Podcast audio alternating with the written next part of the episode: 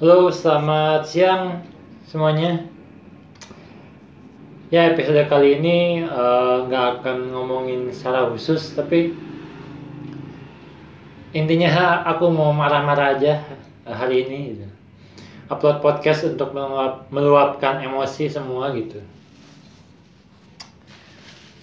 Eh, marah-marahnya sebenarnya bukan karena aku yang punya masalah gitu, tapi orang terdekatku ini yang punya masalah gitu sebenarnya gitu. Eh, kalau ada yang denger podcastku sebelumnya tentang yang perusahaan trading itu, eh, ini masih berkaitan karena orang terdekatku itu masih sama orangnya. Dan kali ini aku marah-marah bukan sama nasabahnya tapi sama perusahaannya gitu. Perusahaannya emang, duh gila.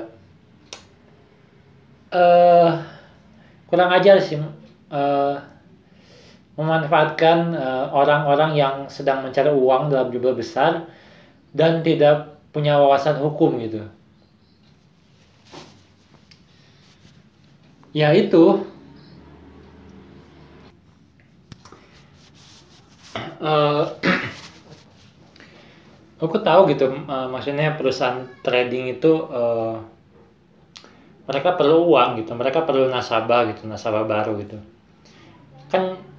Jadi intinya gini, aku ceritain dulu dari, dari awal gitu. Eh, orang terdekatku ini eh, di kantor lamanya tetap di perusahaan trading itu eh, gajinya ditahan gitu karena dia nyebutnya TA gitu. TA dan komisi ditahan karena dia tidak mendapatkan nasabah baru. Itu berlangsung sekitar dua eh, sekitar dua bulanan gitu ya. TA dan komisi tidak turun gitu. Terus akhirnya karena dia tidak tahan dengan kondisi itu ya dia pindah gitu. Karena eh capek lah dia harus eh, mempertahankan nasabahnya untuk eh, ada duitnya di situ gitu. Kan tiap dia tiap minggu tiap hampir tiap hari harus ketemu nasabahnya gitu diajak jalan sama nasabahnya. Itu kan bagian dari kerja gitu maksudnya mempertahankan nasabah gitu untuk eh, agar uangnya tetap di perusahaan itu gitu. Itu kan perlu effort gitu perlu ya memang perlu effort gitu. Maksudnya itu kan bagian dari kerja gitu. Terus kemudian dia pindah ke sebuah perusahaan baru. Eh maksudnya ke kantor yang baru tetap perusahaan trading. Nasabahnya dia pindahkan ke perusahaan itu gitu. Eh nasabahnya ada ada beberapa dan orang terdekatku ini, orang terdekatku ini tuh capeknya eh, capek fisik dan mental gitu. Karena dia harus eh, menemani nasabahnya gitu. Eh, supaya dia supaya uangnya tetap ada sama dia gitu.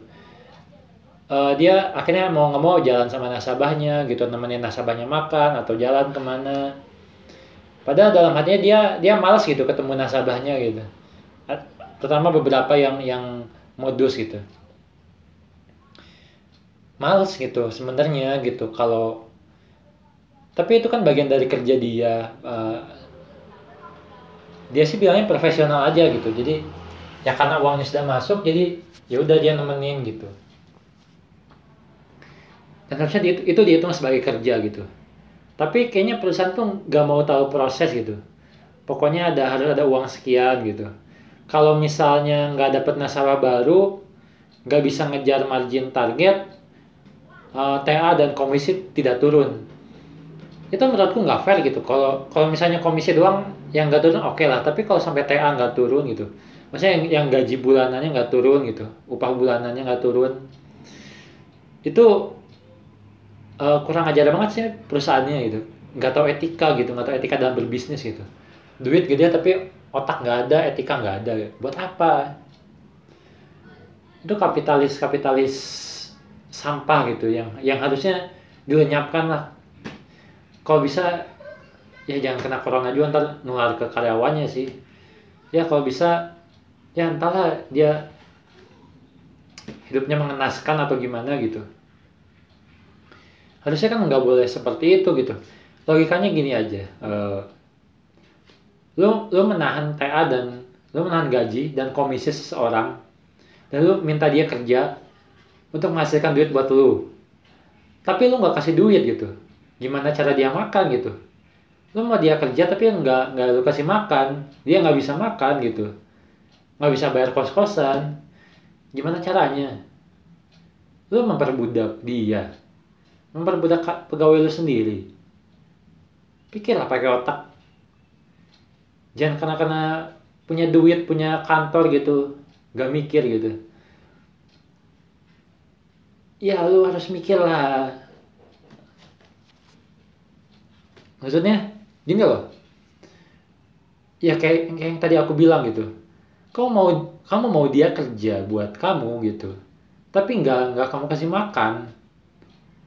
Apa kalau bukan perbudakan namanya? Sementara setiap hari dia kerja tiap hari dia ke kantor absen. Dia juga mempertahankan nasabahnya gitu. Terus terusan komunikasi sama nasabah itu kan bagian dari kerja udah gitu orang terdekatku tuh bilang dia tuh kerja juga untuk uh, meng-hire cari rekrutan baru gitu untuk menjadi uh, broker juga gitu. Sampai dia liburnya dia pakai buat uh, cari pegawai baru buat ya buat canvassing cari pegawai baru. Itu kan mereka kerja buat buat kamu gitu buat buat anda pengusaha-pengusaha pengusaha-pengusaha yang punya kantor trading gitu. Owner-owner kantor trading mikir dikit gitu. Capek mereka buat anda gitu. Tapi nggak tidak dianggap sebagai kerja gitu. Tapi kalau mereka melalaikan kerja anda yang marahin mereka kan? Terus kalau anda nggak bayar mereka ya anda berhak marah buat apa gitu? Anda berhak apa atas mereka gitu? Di samping anda mencampuri privasi mereka gitu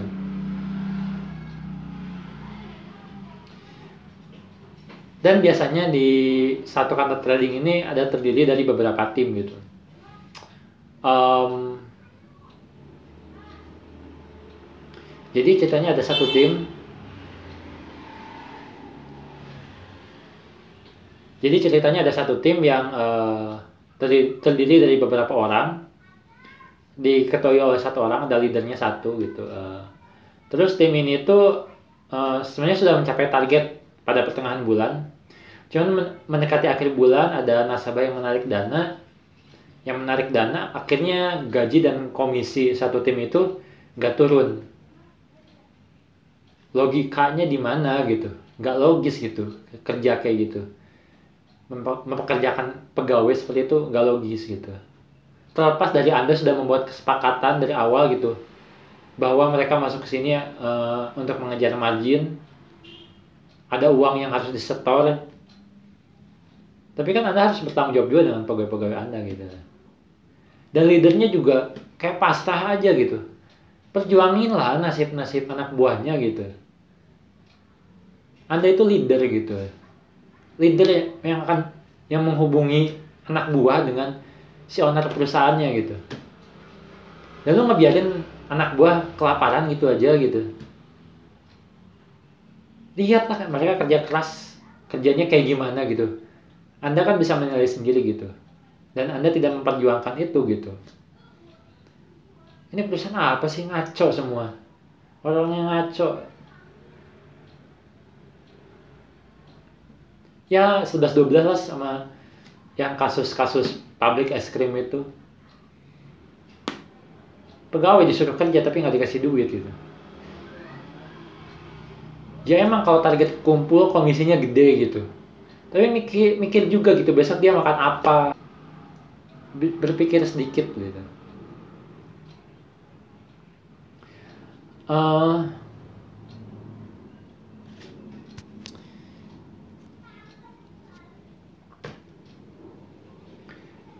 berpikir sedikit wahai owner dan leader yang bekerja di perusahaan trading gitu mereka makan pakai apa gitu sementara mereka kerja keras mempertahankan nasabahnya sampai harus nemenin jalan, nemenin makan gitu. Dan Anda mencampuri kehidupan privasi dia gitu. Ngalang pacaran lah, ngalang ini, ngalang itu.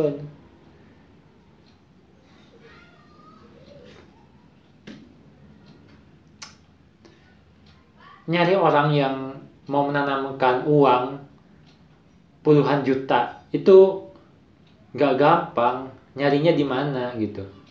Nyari orang yang yang di dompetnya ada 100 juta. Di mana gitu? Kalaupun punya mereka belum tentu mau ngasih gitu. Mikir lah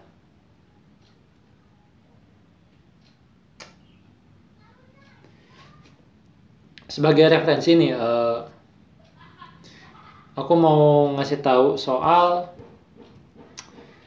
sebenarnya ini udah melanggar aturan banget sih kalau misalnya gaji dan komisi nggak turun padahal mereka dipekerjakan di perusahaan itu gitu. Terlepas itu ada kesepakatan kerja kalau mereka harus mengejar margin harus ada target gitu. Tapi yang namanya perusahaan yang berbadan hukum itu harus bertang ber bertanggung jawab atas pegawai-pegawainya yang kerja di situ gitu kalau anda nggak ngasih makan itu parah banget sih di pasal 53 peraturan pemerintah nomor 78 tahun 2015 tentang pengupahan ini yang saya lihat bahwa Anda melanggar uh, pasal ini gitu ya.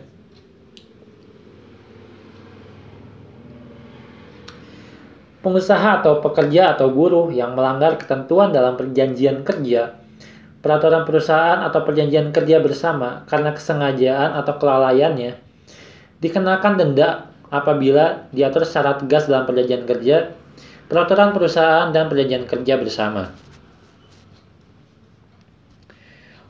Oke, berarti ini berdasarkan perjanjian gitu ya.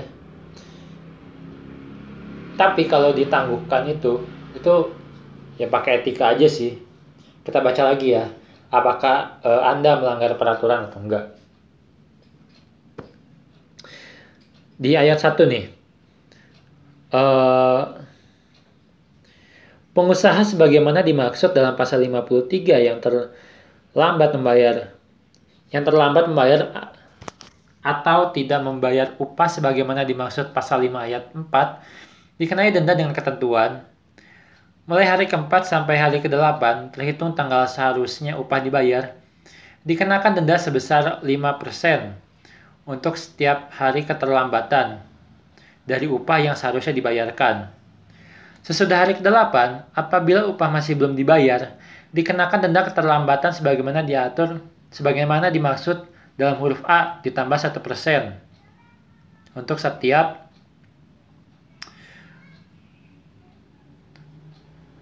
untuk setiap keterlambatan dengan ketentuan satu bulan tidak boleh melebihi 50% dari upah yang seharusnya dibayarkan.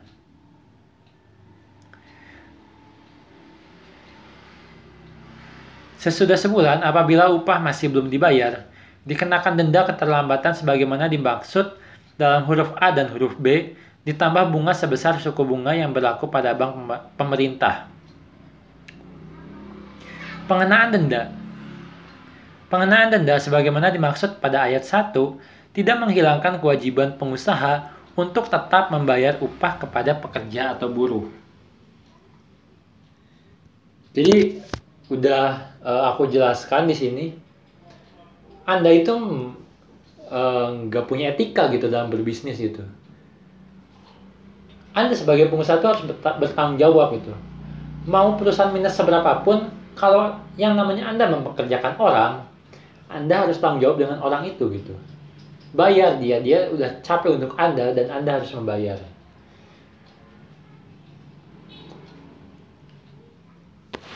Aku nggak tahu nih ke depannya gimana, pokoknya uh, kemungkinan besar apa ya kalau misalnya ada yang menawarkan aku untuk trading atau apa pun itu sepertinya aku tidak akan mau gitu uh, terutama di perusahaan ini gitu perusahaan yang tempat uh, orang orang terdekatku bekerja gitu. Gimana caranya ngurus uang nasabah gitu?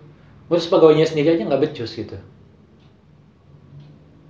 Ini apa-apaan gitu Terus pegawai aja nggak becus gitu yang yang sehari-hari ketemu gitu ya. Sehari-hari bekerja buat dia. Apalagi buat nasabahnya. Nggak diurus kayaknya nggak bakal lah nggak bisa dipercaya lah pokoknya apakah anda yang mendengar ini bisa percaya gitu sama perusahaan yang sama pegawainya sendiri nggak tanggung jawab gitu apakah Anda mempercayakan uang Anda dititipkan di sebuah perusahaan yang bahkan tidak ber, yang tidak bertanggung jawab sama pegawainya sendiri? Anda percaya dengan mereka? Kalau aku enggak. Terima kasih.